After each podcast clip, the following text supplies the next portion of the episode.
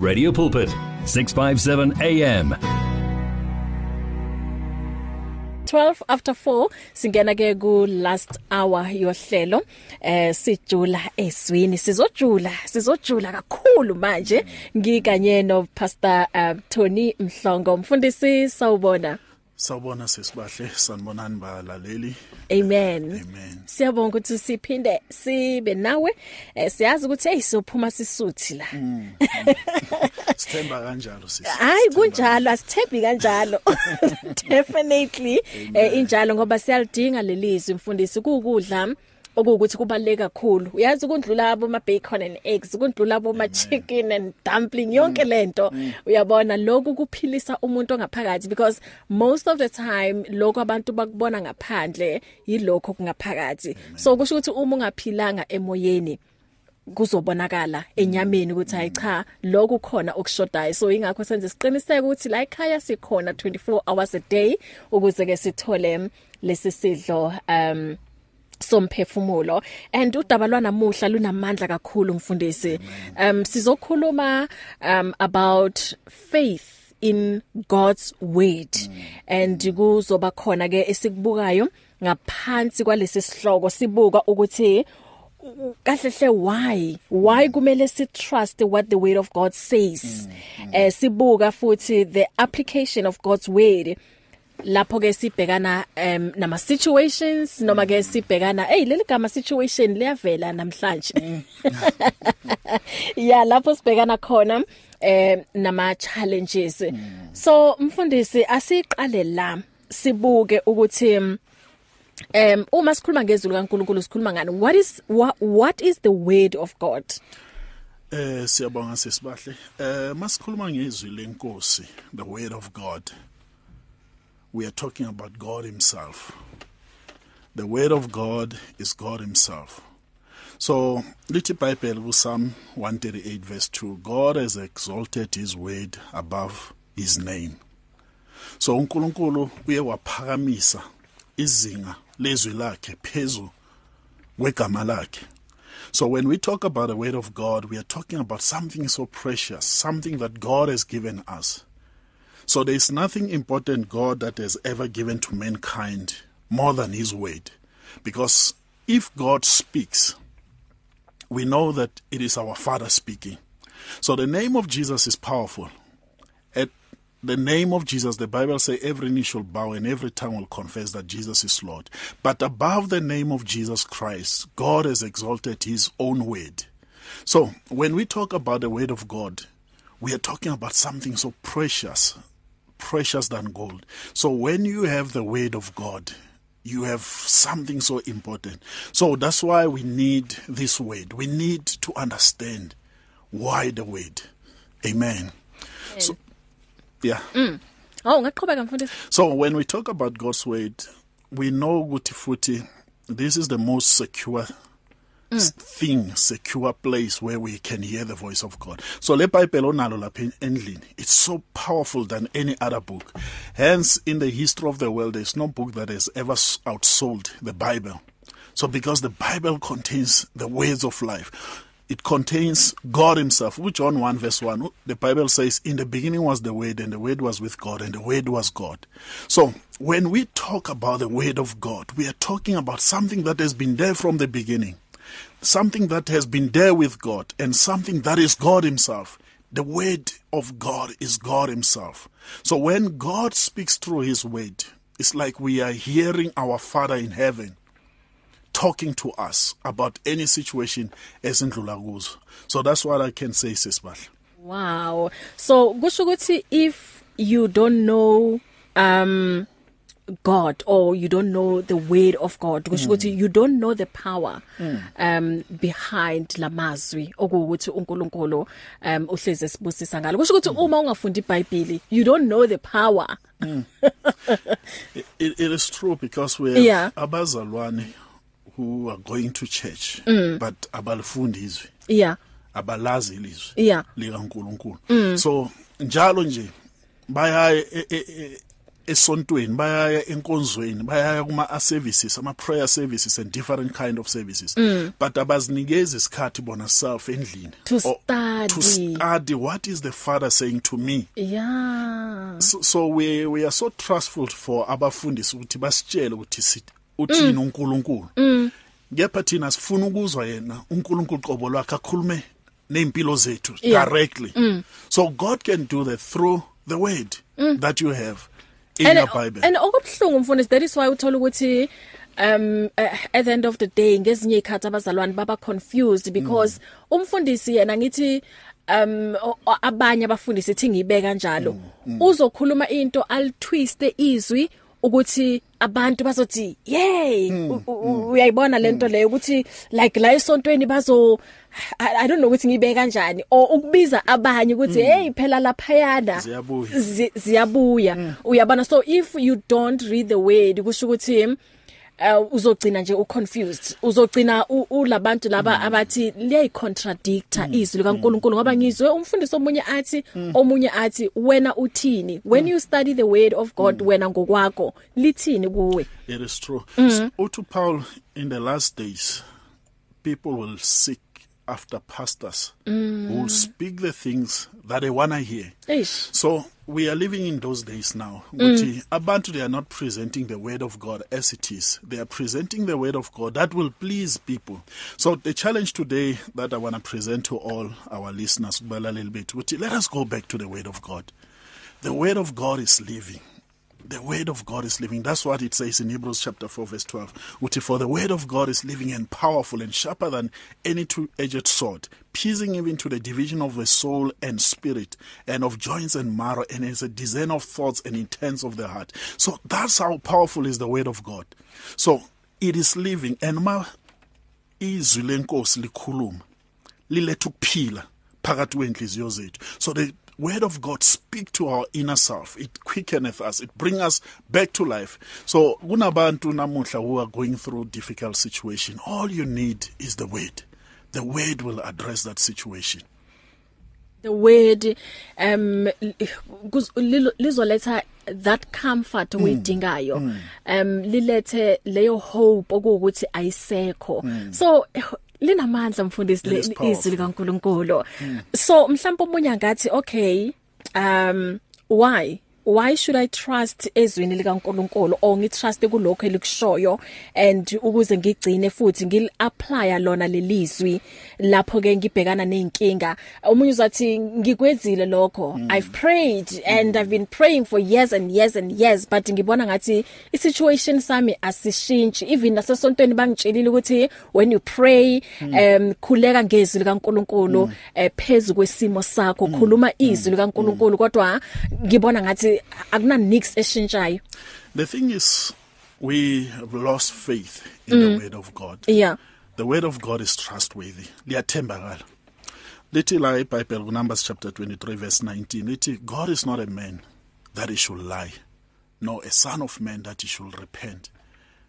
Has he said it and he will not do it? Or has he spoken it, will he not make it? So in other words, whatever he said, he will surely do it.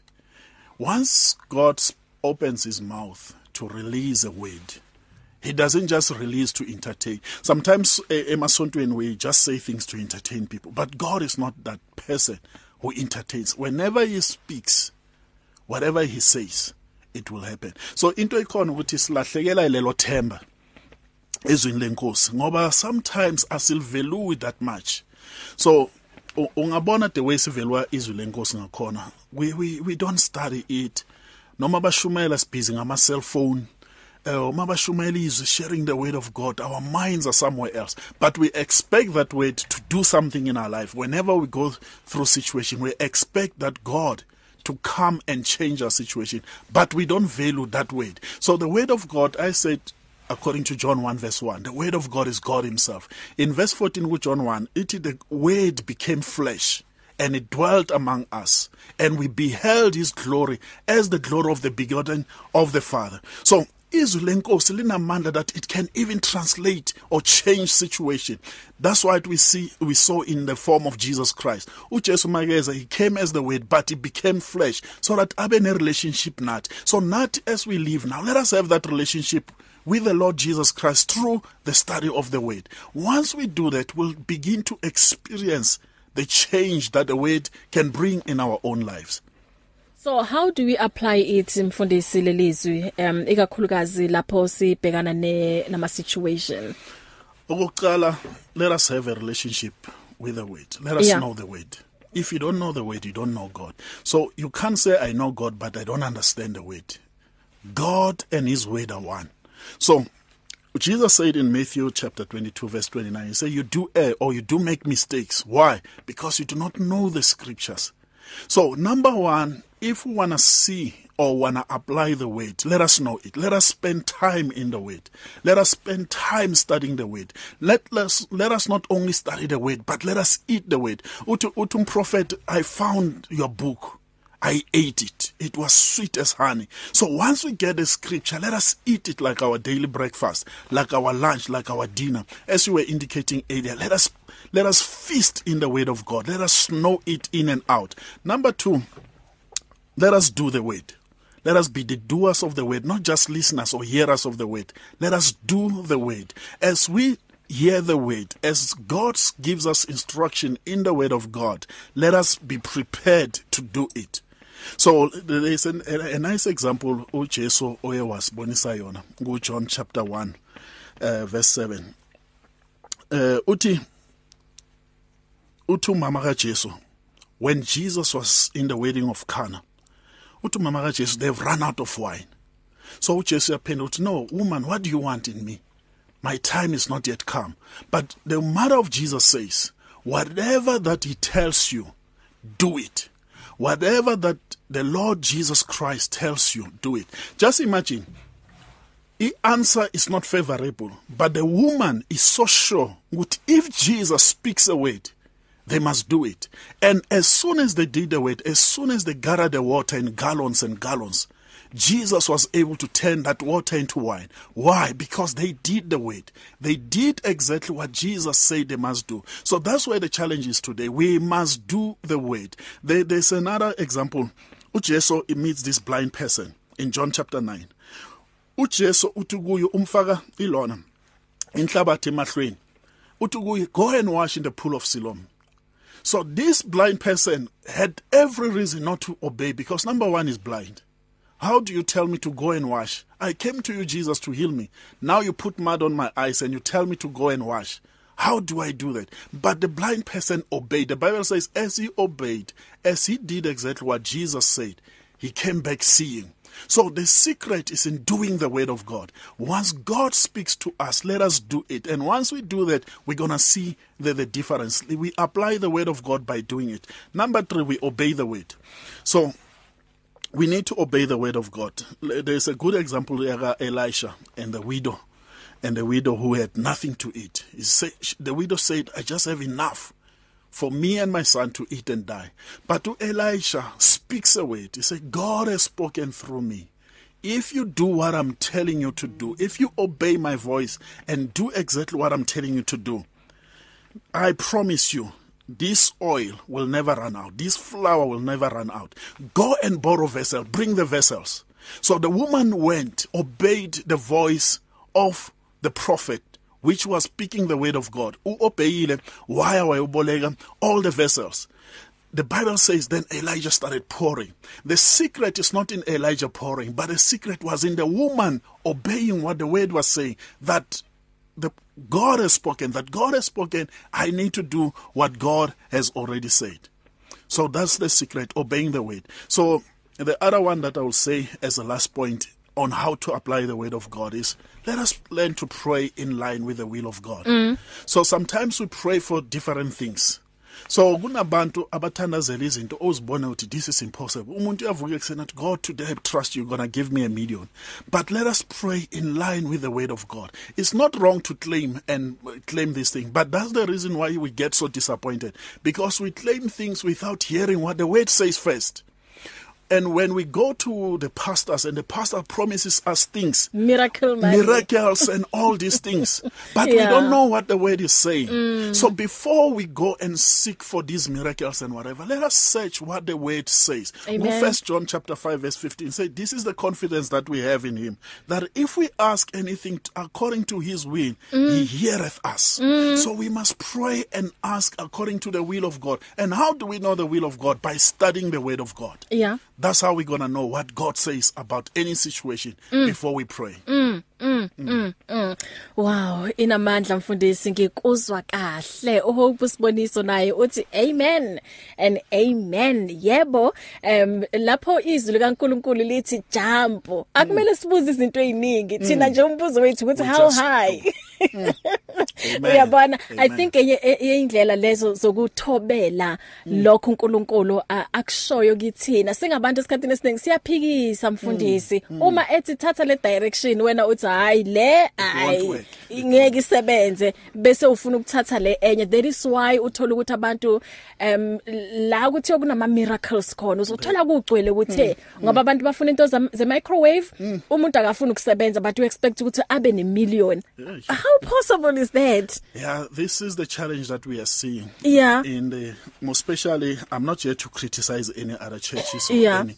But the thing is genuine Christians should know their God. yeah Should know their God. How do you know God? By reading the word. Yes. So you have to know how God operates. Once something is fishy, but you believe it, then you have to be worried about your your your your, your values as a Christian. Mm. So what I want to tell our listeners abalaleli bethu ukuthi let us know the word of God. Yeah. Let us spend time in the word of God. Let us study the word of God. So as we study the word of God, we will realize ukuthi so many things that we believe are wrong. Mm. The word of God is able to to straighten us. Liyakhona ukusiqondisa izwi lenkosi. Yep. Uma silifunda liyasiqondisa, liyasirebuka. Mm. So and we like these churches whereby they just promise promise. They don't mm. rebuke us even though when we do wrong. yeah uma ungaya enkonzweni laba kurebuke khona uvele uyasuka uthi hey this is not a church So you, you want to go to a church whereby they will clap hands for you when you do wrong Yeah. they will clap hands for you even when you are losing the way Yeah. so but we need the word of god to straighten us lisqondise lisirebuke yes when we need rebuke we need it the bible says a father who loves his child rebukes mm. that child Amen. if usenkonzweni labangakurebuke khona even though you are wrong mm. then you are at the wrong place Amen. you need to be rebuked yes when you are wrong you need to be rebuked Yes. Mm. Wow. 29 after 4 o'clock asithatha ikhefu mfundisi. Ngiyathemba ukuthi lapha emakhaya mhlambe nabo bathanda uku- ukufaka uvo kulolu daba eh noma ba comment eh, bathanda ukuthi ke em, mhlawumbe umunye unobufakazi nje obuncanyana eh, ngokuthi um abe ne faith ezwini likaNkuluNkulu. Em ukudaba ke esikhuluma ngalo kulentambama asindlule ngala uma ngibuya zivuliwe incingo ku 0123341322 noma ku 0123338699 unga WhatsAppa wathumela ne voice note ku 0826572729 noma ke wathumela i Telegram emveni kwalokho bazalwane The words of the Lord are words of life. Your heart is on 657 AM. 657 AM. You can now buy your favorite programs and series of the past 38 years on eCompanion, Radio Pulpit's own online shop. Revisit programs by beloved presenters like Justice Chungu, Cecile Burger, Esti Geldenhuys, and Pastor Aaron Jelle. Books and CDs from various authors and artists, as well as Radio Pulpit t-shirts, caps, and other branded products will also be available on eCompanion, your one-stop soul food shop. Visit radiopulpit.co.za and click on shop. T's and C's apply. Reach your customers in the car, at the office, at home, or wherever they are, night or day. Through advertising with Radio Pulpit, you can reach a large, unique, and loyal audience in a most affordable way. With over 500,000 people on our various platforms, from Gauteng to the Cape, you simply cannot go wrong. So advertise today. Contact us on 012 334 1339 or for advertising packages that we offer, go to www.radiopulpit.co.za. Terms and conditions apply. Get your daily bread, but also your faith in practice. It's 657 AM. The sounds of your life. Ilapho khona impela ku AM 657 zivuliwe incingo 0123338699 0123341322 usemoyeni sawubona sisi eh wetata ha manje mandibulise kumfundisi wami Sawubona mfundisi. ngelika Kristu igama Amen. E- enkosi sibaqala nge nge nge nge discussions ezinjengezi hey madoda umfundisi wami uthi ilizwi lika Thixo eh isyllabus esinikwe nguThixo Mm. So a, a set of broad decisions. Ilizwi likaThixo syllabus yabantu. Mm. Secondly, ilizwi sibahle likaThixo i-constitution le yakwaThixo. Now enikezwe kubantu bakaThixo abafithi. Irula lena Now ukwenza indlela zethu sibe sithi umfundisi utsho u- uyabona kwakho waliphosa izwi kaThixo you neglect or you reject it. Ha! Qiniseka nje sibahle into yoba ukhomithe laa nto kuthiwa i-suicide Nga- ngamanye amagama warejecta izwi kaThixo so urejecte uThixo uqobo uyabona ke u- uma nizobeka phansi mm. if izwi kaThixo yimbewu mama yebo. Eh, eh, eh, eh, of good quality. Aha. not just an ordinary seed. Yeah. Hmm? mhm so a, a certified seed. Now is planted uh, by a right person. Mm. Mm. Now i- in a right soil or umuntu sibahle already to receive izwi kaThixo yep. Li producer a good quality harvest. Mhm I- i- ilonto ngamanye amagama utyala ukhondo olunye lombona. Mm. Now ulutyala kakuhle. Now luzovelisa izikhwebu amazithathu zihlanu mfundisi mhm I- ngamanye amagama uma uyityale kumhlaba oshushu oright. Mm. Umuntu already to receive izwi kaThixo. Because akho ndlela sibahle ingenye abantu bakaThixo abangalunga ngayo. Ngaphandle koba kuqala beze izwi kaThixo. Ekugqibeleni if you take Romans chapter 12 uthathu verse 1 2 uyabona ngexesha into emasiyenze sibahle. Mm. masisubmite iziqu zethu wholeheartedly and faithfully to God. Yebo and then after submission we will be renewed. Mm. so transformed updated Mm. upgraded reconstructed. Uyabona sibahle? No usabe uthixo esiguqule ngezwi lakho uthixo and then sizonikwa baphulaphuli umoya ingcwele amen. Yeah. Meaning that after repentance? Mm. A- asikwazi sibahle ukhupha abavangeli irepentance ingekho.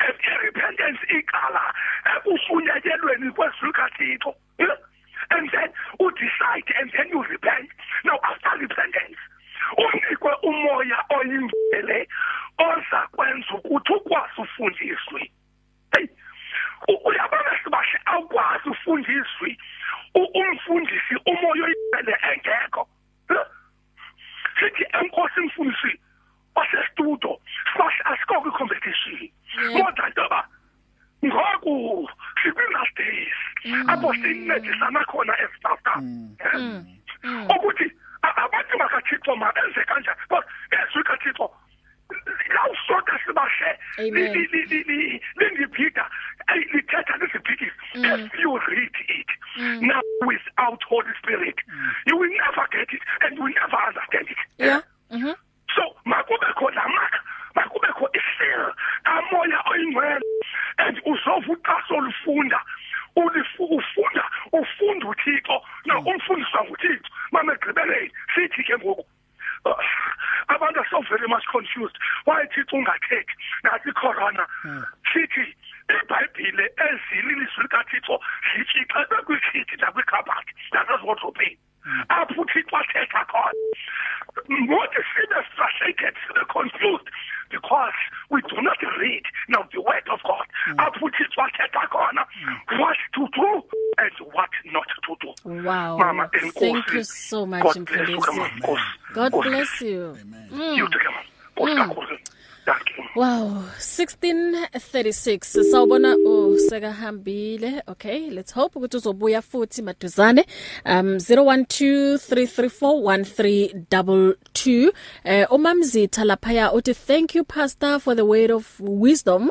That's true. The the person who rebukes you really loves you. Uthi I'm so happy for the teachings. That's my father Pastor TT.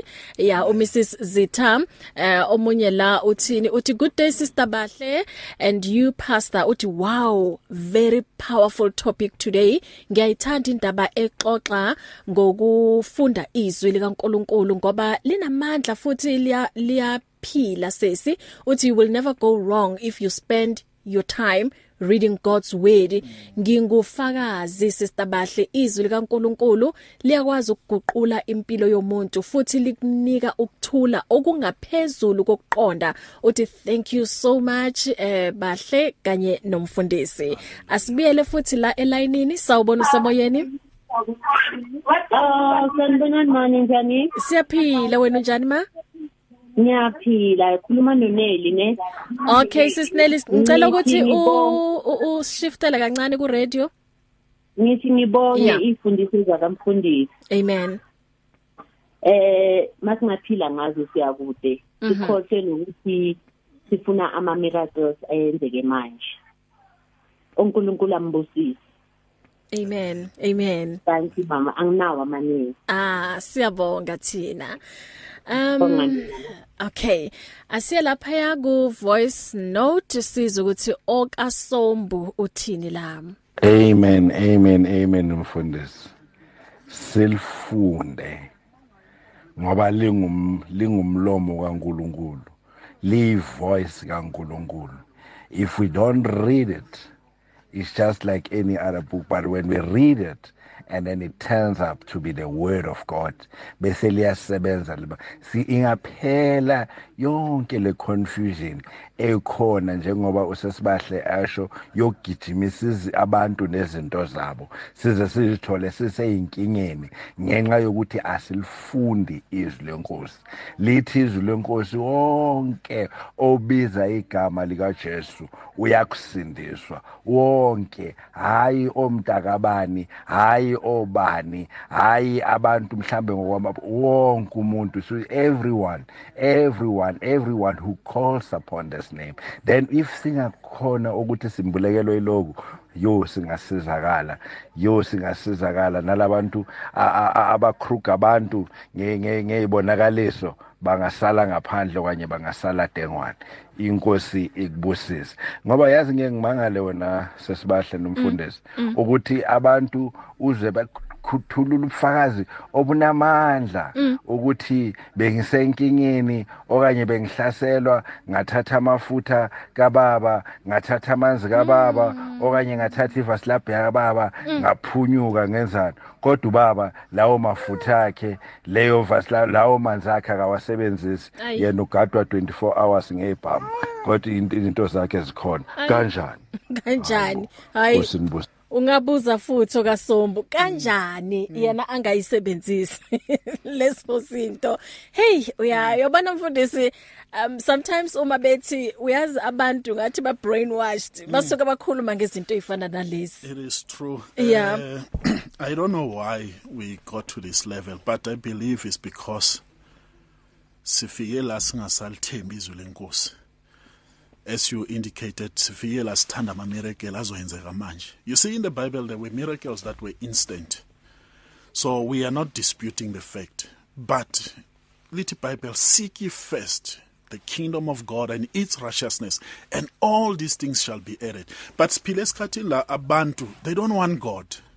they don't want the kingdom of God have mm. nothing to do with the kingdom of God the only thing they want is miracles but uJesu uthi first it should be what the kingdom Yes. Our goal should be seeking the kingdom. How do you seek the kingdom? Mm. Study the word. Eh, njengomfowethu asasho lapho uthi the word of God is like a manual. Yeah. We need to read with how does thing things works in this kingdom. Mm. Mangfuni healing, how does it work in the kingdom? Mangfuni i, i breakthrough, how does it work? And we find that way in the word. But if we neglect the word of God, then we are open for abuse. Yeah, cabanga nje mfundisi umuntu uthola ukuthi ufuna izinto zakho mm. but wena akakufuni Yeah.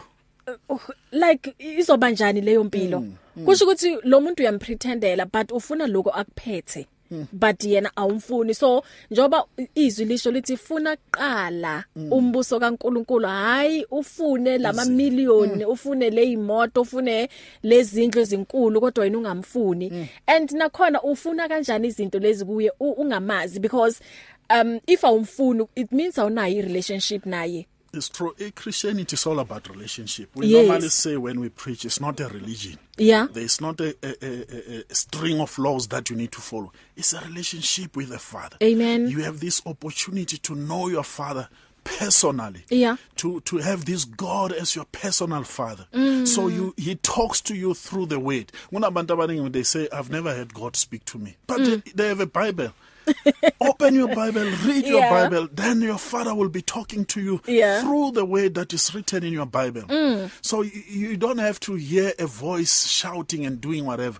Your Bible is the word of God. Amen. It's ready to talk to you anytime, whenever you are ready to listen. nanoma ulele Noma bona ulele. liyakhuluma nawe izwi kaNkuluNkulu um um, u- umama lana okay bathi bacela inamba yakho mfundisi mozophuma la definitely uzoyishiya umfundisi is- i- inamba yakhe um omunye uthi the greatest gift God gave us outside of Jesus was his word mm. that is God himself i'm blessed um u- i- i i- message iphuma ku pastor eh Dambuza okay asiye la futhi elayinini sawubona usemoyeni Sawubona sesene njani? ngiyaphila baba wena unjani Ngiyaphila sesi Amen. sibonga i-message epowerful. mm Uyabona le ndaba yezwi yeah inamandla. cool Uyabona uma ungakholwa ukholele ezwini likaNkuluNkulu. Unakho konke. I- i- i- into yahamba yasilahlekela sibandla. Saphuma ezwini likaNkuluNkulu, sakholelwa kakhulu ebantwini. So into engifuna ukuyisho ukuthi namhlanje kule topic bekukhulunywa ngayo kwangathi wonke umuntu angabuyela back ezwini likaNkuluNkulu. Ngikhumbula ngisasemncane ngivamile ukuyisho le ndaba esikhathini esiningi. Ngiwumfana omncane engangikholela ezwini. I remember one day ekhaya ubaba wayekholele inyangeni. ngathi baba mina sengisindisiwe mina ngikholelwa ezwini likaNkuluNkulu. Ubaba wathi mfana wami ngiyavuma ukuthi lento ikhulumayo iqiniso. Ngizothi mangilanda inyanga la ekhaya ngingasakufaki. Kwafika ilanga ubaba weza nenyanga. Uma efika naye ngathi baba uyakhumbula isivumelano ubaba wajika wathi emfana uma ubona kwangathi umdala phuma la ekhaya. Ayibo mm. So ngangena ezwini ngathi baba uthe ezwini lakho sihlonipha abazali. Ngiyakhona lapha kunalenyanga ngoba wena usithembisile futhi wena uNkulunkulu wathi impi akusiyona ngeyethu Yeah. ingeyakho. Ngicela namhlanje ungilwele fight for me. Ngayongena la bebakhona khona. But inyanga yona ngempela yasho ukuthi sekunabantu abahlukile la. Sure. Wangikhomba ngomuntu. Ayi. Yathi lo mfana makaphume. Yakhomba umkhulwane bengilandela yena ubhuti wami yathi makaphume. Why? Ngoba sikhope izwi. Yeah yeah asizange sasebenzisa amanzi. But izwi lona lasikhulula.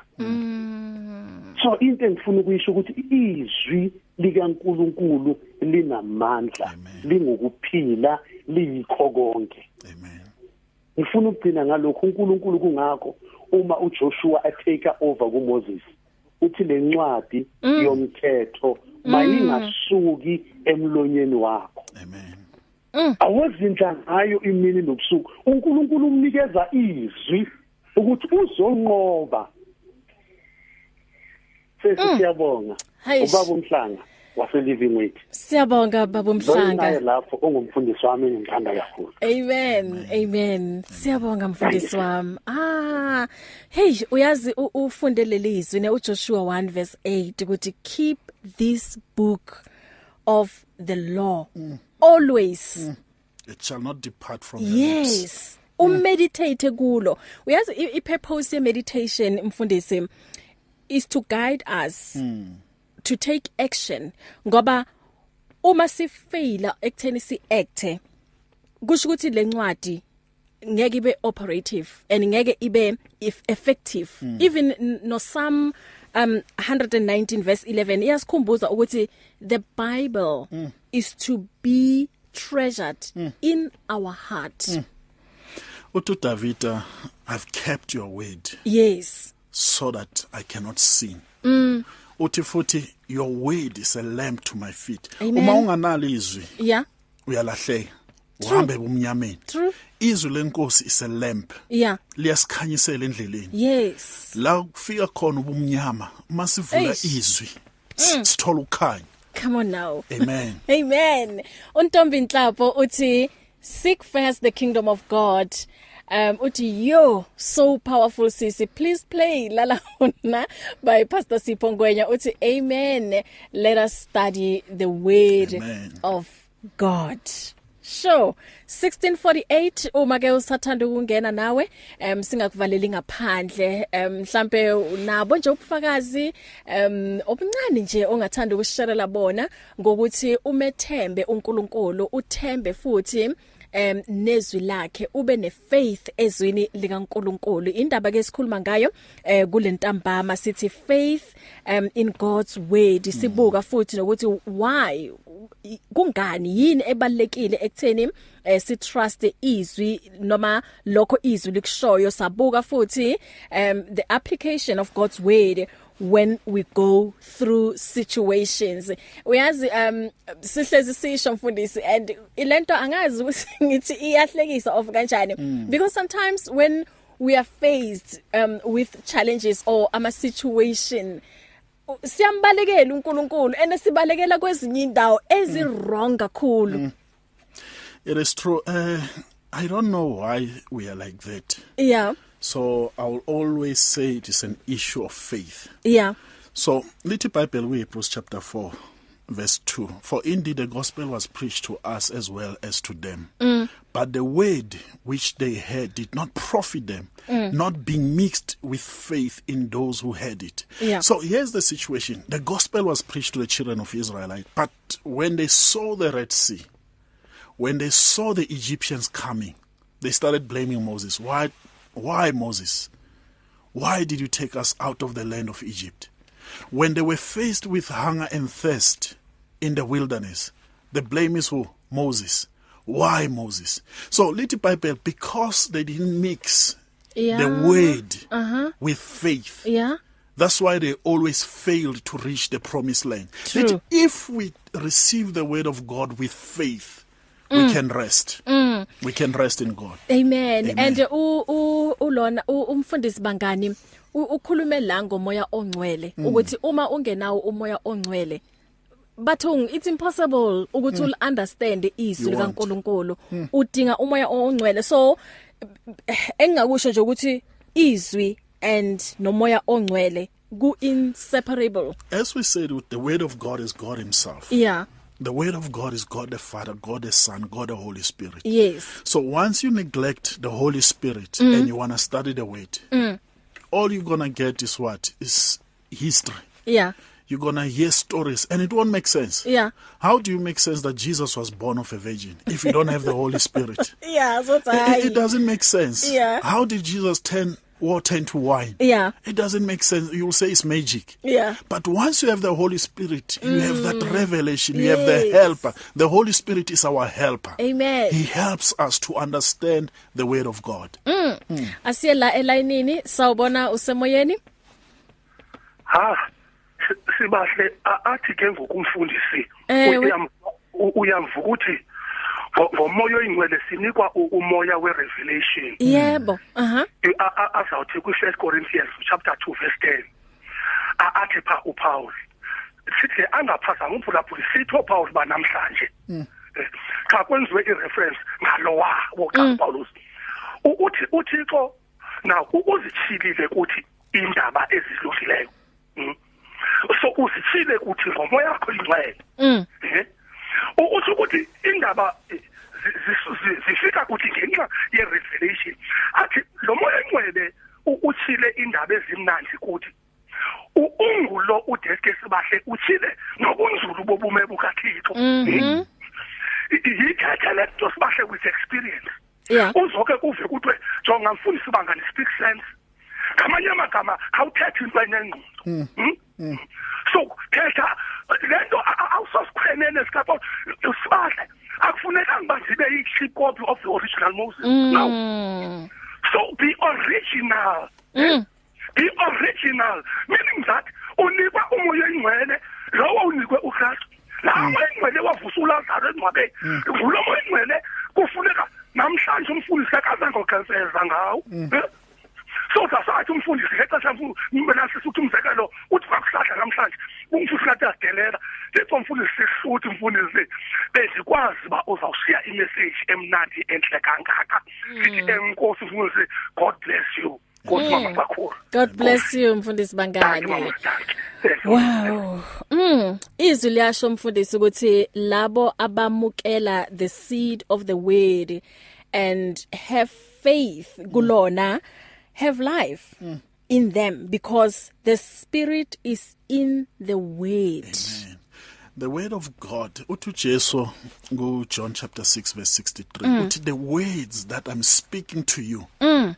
are a spirit yeah and they are life mm. so when God speaks when the word of God speaks it gives us life because the word itself is full of the holy spirit. Yes. It revives us. So uNkulunkulu makakhuluma nathi akakhulumi with our physical ears. Mm. is talking to the inner man. Mm. even if the dead man uLazaro wethu wasemoyeni ufile mm. when God speaks uyavuka. Yeah. Because the word that he speaks is yeah. life. Yeah.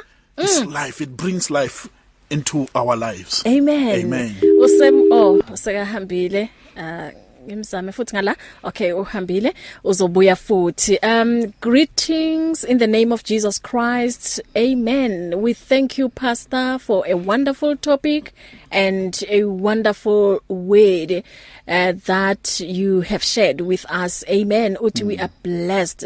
Uh, kikidibone mandlazi yeah mm. um sina plus minus 5 minutes ukuthi siphume ngala. Uma ke nawe usathanda uthanda nje um ukufaka amabili amathathu kulolu daba um sebenzisa ke lo 5 minutes osele 0123341322 0123338699 asithole ke nansi ivoice note iphuma lapha ya kukhalimambo. Nkosazana siyabingelela sibingelela umfundisi kanye nabo bonke abalaleli be Radio Pulpit umsakathi wethu indzaba lethu fokutisako. Manje ke lana ke umfundisi ibeka kahle indaba. Encwadini kaMateyu sahluko sesikhombisa livesi lamashumi amabili nane. Isi ozwa lamazwami lawo. Noma lo ova lamavama bese uyawayenda. Ngumfanisa nendoda ehlanganiphileyo. Mm. ozwa lama la ekuphileni kunenkinga ekungezwa ekona kuma nenkinga yana futhi ukuthi singakhona ukwenza. Manje lokho akucala namhla ke nakuJesu kwakukhona lokho mashumayela Jesu eh kulaba ashu laba umashumayela abantu nashumele ngemfanekiso.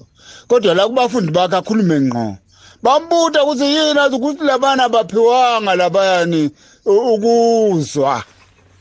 Kodwa nina niphiwe nina. Kungako ngikhuluma ngemfanekiso ngale kulaba bantu. Manje ke sinenkinga yokuthi ke singezwa izwi likaNkuluNkulu singakhona ukulenza lokuyenza ungaliyenzi ukuthi manje asikhonanga kulizwa.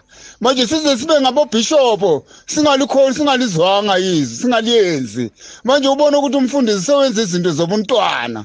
Eh kodwa ke eh ayindizi zomntwana benesincanakazana umfumbishop omkhulu. La ebandleni nalabo babenencanakazana ncanakazana ncanakazana uyabona wonke abantu babona umfundisi loya ongalizwanga izwe. Manje la kunenkinga kakhulu la yokungezwa la. Ikona la kokuthi umfundisi uma sewuthayo uba nomfundisi webandla kufuna kube ngumuntu lo waziyo afundise ngemfanekiso futhi kuze kuzwakala kahle esizweni kanti babukhosazana Khalimambo, khalimambo.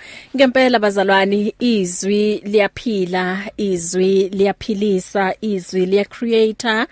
li, li restore impilo zethu and like i reality out of nothing yes mm. the way izwi linamandla ngakhona mm. so mfundisi ngeke siyeke ukuyigcizelela indaba yokuthi um let us study the word we have to keep on saying that yeah uh, if we move from the word of god mm.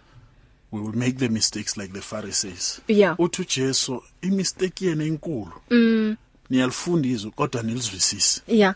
So we need to study the word. Mm. masithi studies is a difference between studying and reading. Ma yes. read is like you are reading a magazine. Uyandlula yeah. Uyandlula nje. Yeah. but when you start uba nesikhathi. Ujula kulo. Ujule. Yeah. You get to a point where you say god i don't understand. Mm. ngisize nkosi. Yeah. Uthini la? Mm. Uthi le ndoda yase Ethiopia mayifunda uIsaiah. Uyashout uyashout bese uyambuza uPhilip uthi do you really understand what you are saying there yeah But how will I understand if I don't have somebody interpreting? So that's when you need the Holy Spirit so that as you read and you don't understand, mm. the Holy Spirit has to reveal. So we can't know God by studying our books. Yep. We we don't know God that way. We know God by revelation. Mm. The Holy Spirit has to open our spiritual eyes Nice. and our physical eyes so Yeah. we see God in the word of God. Mm. So umfundisi isikhathi sithi ke eh sinomzuzu owodwa kule minute um umyalezo wakho ugcina uthini A conclusion yami will be our attitude Mhm. towards the word of God Mhm. determines the place that God holds in our daily life. Yeah. The word should always be the Father speaking to us. Mm. It should never be like a message from an ordinary book. It should be as real to us as though God Himself stood in the room right now before you and speaking to you. Mm. That should be your attitude to the word. You must value it. You must value it and value it. Amen Amen. value mzalwane izwi likaNkuluNkulu Ey mfundisi bacele i contact yakho bathi utholakala kuphi My number is 081 354 5705. 081 354 5705. Mhm ku social media I'm on Facebook, Tony Mhlongo. Mhm Amen. Oh. Alright eh asizwe la sibone la ngi uthi ngi uma mjabulile ethwala uthi ngizwile mina mfundisi uthi let us be the doers of the word Hmm. amen Hallelujah. bazalwane um njoba bengisho phambilini ngithi if awulazi izwi likaNkuluNkulu. Kusho ukuthi ke ngeke uexperience amandla alo. Hmm. so lazi ngoba God's word is a manifestation of God's power ne character yakhe and ne spirit. So the power behind the word is the holy spirit. Akumele sikhohle lokho. Mfundisi see you next week. Thank you, ngaso bye. lesisikhathi god bless. Siyabonga ngalemfundiso enamandla. Upastor Ray Hodi uyeza? Uzoqhubeka nawe njengoba lishayile ihora lesihlanu uh, until 7 o'clock. Mina nawe siphi- sophinda sihlangane futhi ekseni 4 am until half 5 go mphatla latsani sithi yenza njalo Nkosi siphuma la no Andile Kamajola. Kubo bonke ke ababe ingxenye yalolu hlelo siyabonga eh, sibonge ama comments sibonge ama questions sibonge nje nokuthi eh, ithi ngithi nje siyabonga nge contribution yakho siyabonga nange support yakho. God bless. If you need prayer, please send your request to prayer at radiopulpit.co.za or WhatsApp 067 429 7564 or go to Radio Pulpit website on www.radiopulpit.co.za. Do you want to grow your business sales? Do you know that you can advertise on Radio Pulpit, Radio Pulpit website, the Word for Today magazine, and the Word for You Today magazine at the ridiculously low prices? Yes, you can indeed. Radio Pulpit, your daily companion, offers you the platform to grow your businesses at the best affordable prices. Simply contact me, Godfrey Moabi, on godfrey at radiopulpit.co.za or call me on 012 334 1265 and I'll tell you how. Remember, I've made it my business to grow your business. You and 657 AM and life, a winning team on the road to eternity.